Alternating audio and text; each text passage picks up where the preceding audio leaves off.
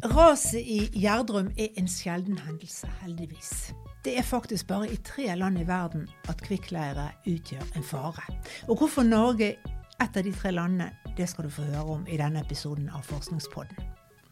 Og psykologene er ikke det minste overraska over at Trump kunne gjøre noe så dumt som å hisse opp til et angrep på Kongressen. Nei, det er ikke det.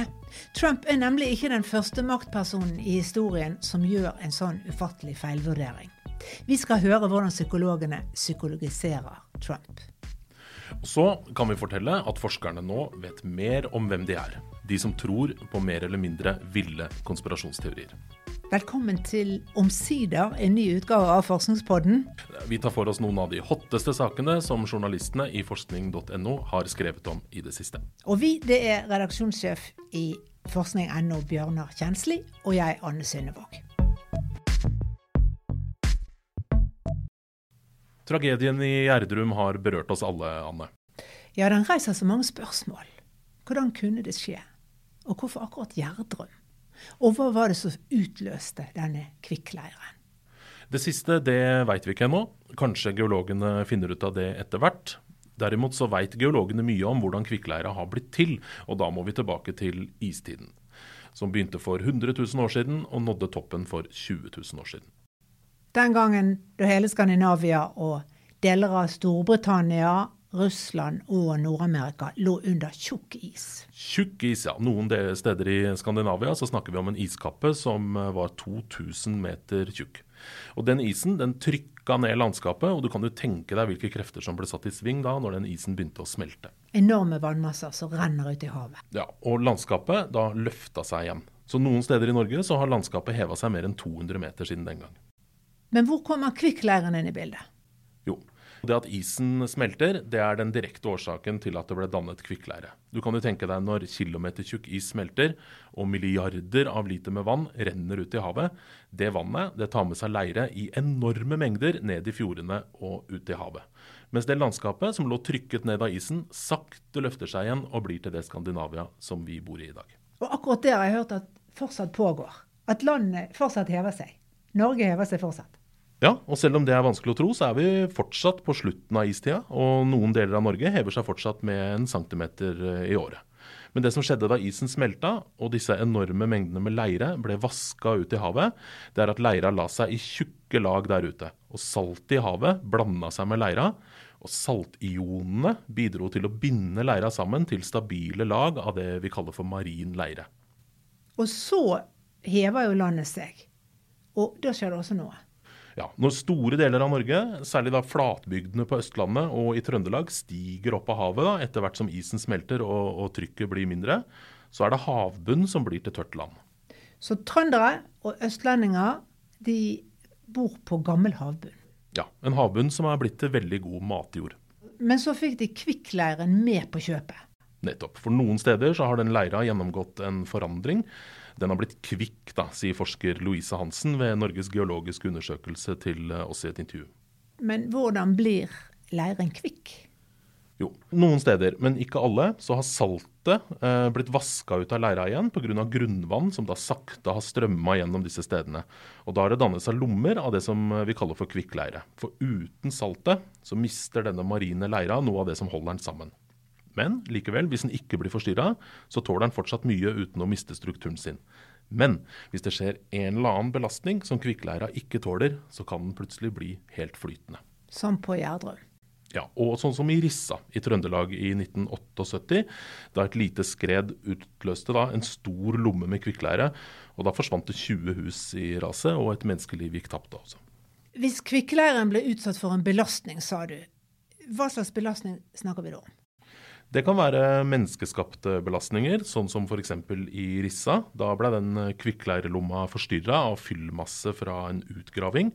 Eh, og Forskerne regner med at ca. halvparten av alle kvikkleireskredene vi har sett de siste 50 åra i Norge, er utløst av sånn menneskelig aktivitet. Men en bekk eller en elv kan også punktere en sånn lomme med kvikkleire og, og utløse et ras. Så Foreløpig så veit vi altså ikke hva som har utløst det raset i Gjerdrum. Om det var uh, menneskelig aktivitet som graving eller noe, eller om det var naturlige krefter som da, en elv eller grunnvann eller noe sånt. Men det er ikke alle landene som har ligget under is, som har dette problemet med kvikkleire? Nei, det dreier seg om Norge, Sverige og Canada. Så Det er områder da i disse landene som siden siste istid har vært gjennom veldig lik sånn geologisk utvikling.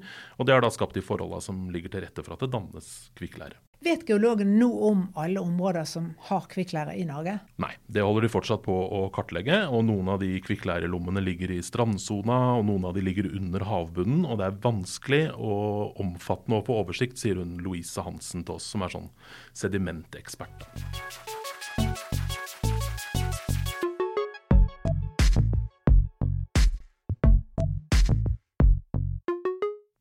Det er ikke hverdagskost å høre psykologer utdele diagnoser på personer som de aldri har truffet, Bjørnar. Nei, og det er heller ikke dagligdags å høre psykologer stemple en politiker som en ondarta narsissist. Og det handler selvfølgelig om Donald Trump. Norske psykologer og psykiatere som har erfaring med personlighetsforstyrrelser, er ikke i det minste i tvil om at USAs avtroppede president er en narsissist. Nei, altså en person som er sykelig selvopptatt. Og jeg har slått opp i ordboka henne. Um, og en person med en narsissistisk personlighetsforstyrrelse er gjerne stormannsgal og ljuger så han tror det sjøl. Fake news, ser jeg bare. Ja, Narsissister ser dessuten på seg selv som helt spesielle og blir fort sinna hvis de ikke får det som de vil. Og så utnytter de andre for å oppnå fordeler for seg selv, og så mangler de empati, for de har jo nok med å tenke på seg sjøl. Og så innrømmer de jo ikke nederlag. Det er også typisk, sier de personlighetsforskerne som vi har snakka med. Med andre ord en diagnose som mange vil mene er som skreddersydd for den avgåtte presidenten. Ja, det kan du si. Sven Torgersen, som er professor eh, emeritus i psykologi, han har lang erfaring med narsissister. Og det som er slående, sier han til oss, er at narsissister har en fabelaktig evne til å foreta forbløffende dumme handlinger. Ja, som å oppfordre sine tilhengere til å angripe Kongressen. Ja, eksempel. Men likevel så eh, klarte Trump å bli president, og det er jo et tankekors. Ja, men han er ikke den første politikeren med sånne narsissistiske trekk som har klatra helt til topps. Torgersen nevner i fleng eh, Napoleon, Hitler, Stalin, Gaddafi i Libya og Saddam Hussein i Irak.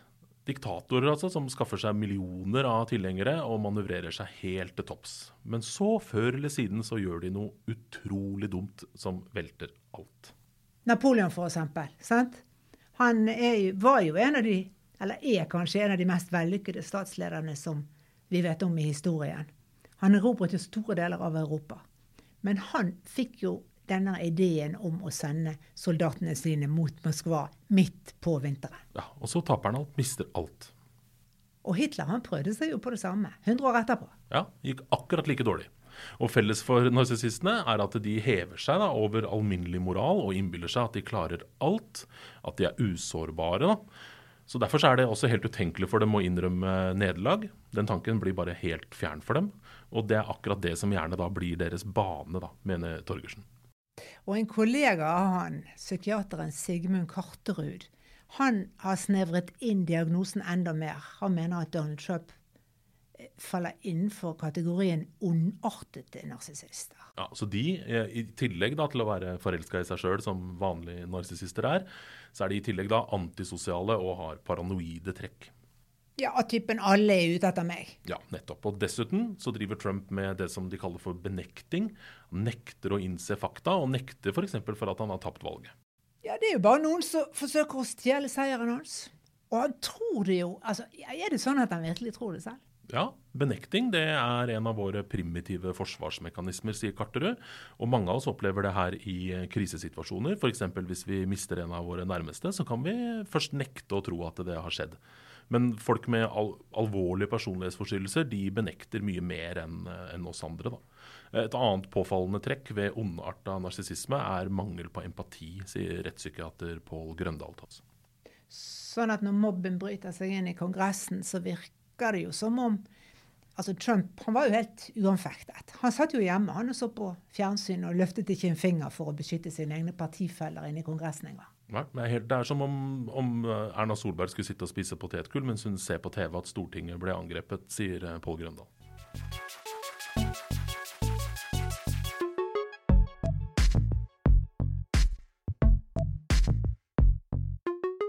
Vi skal holde oss til Donald Trump sitt verdensbilde, Bjørnar. For vi skal snakke om konspirasjonsteorier. Trumps konspirasjonsteori om valgfusk, f.eks., spilte jo en sentral rolle når Kongressen ble stormet. Men spørsmålet er hvordan klarer han å få så mange til å tro på denne historien? Om at valget er rigget. Til tross for at det ikke fins bevis eller dokumentasjon på at, at det skjedde. Eller enda mye verre, egentlig. Hvordan kan så mange amerikanere og en del nordmenn mene at verden styres av en mektig elite som driver med satanisme og pedofili og til og med kannibalisme, og at Donald Trump er han som skal redde oss fra den syke, farlige eliten?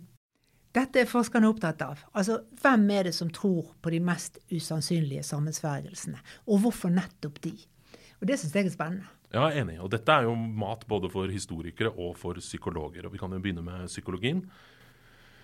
Det er mye forskerne ikke forstår.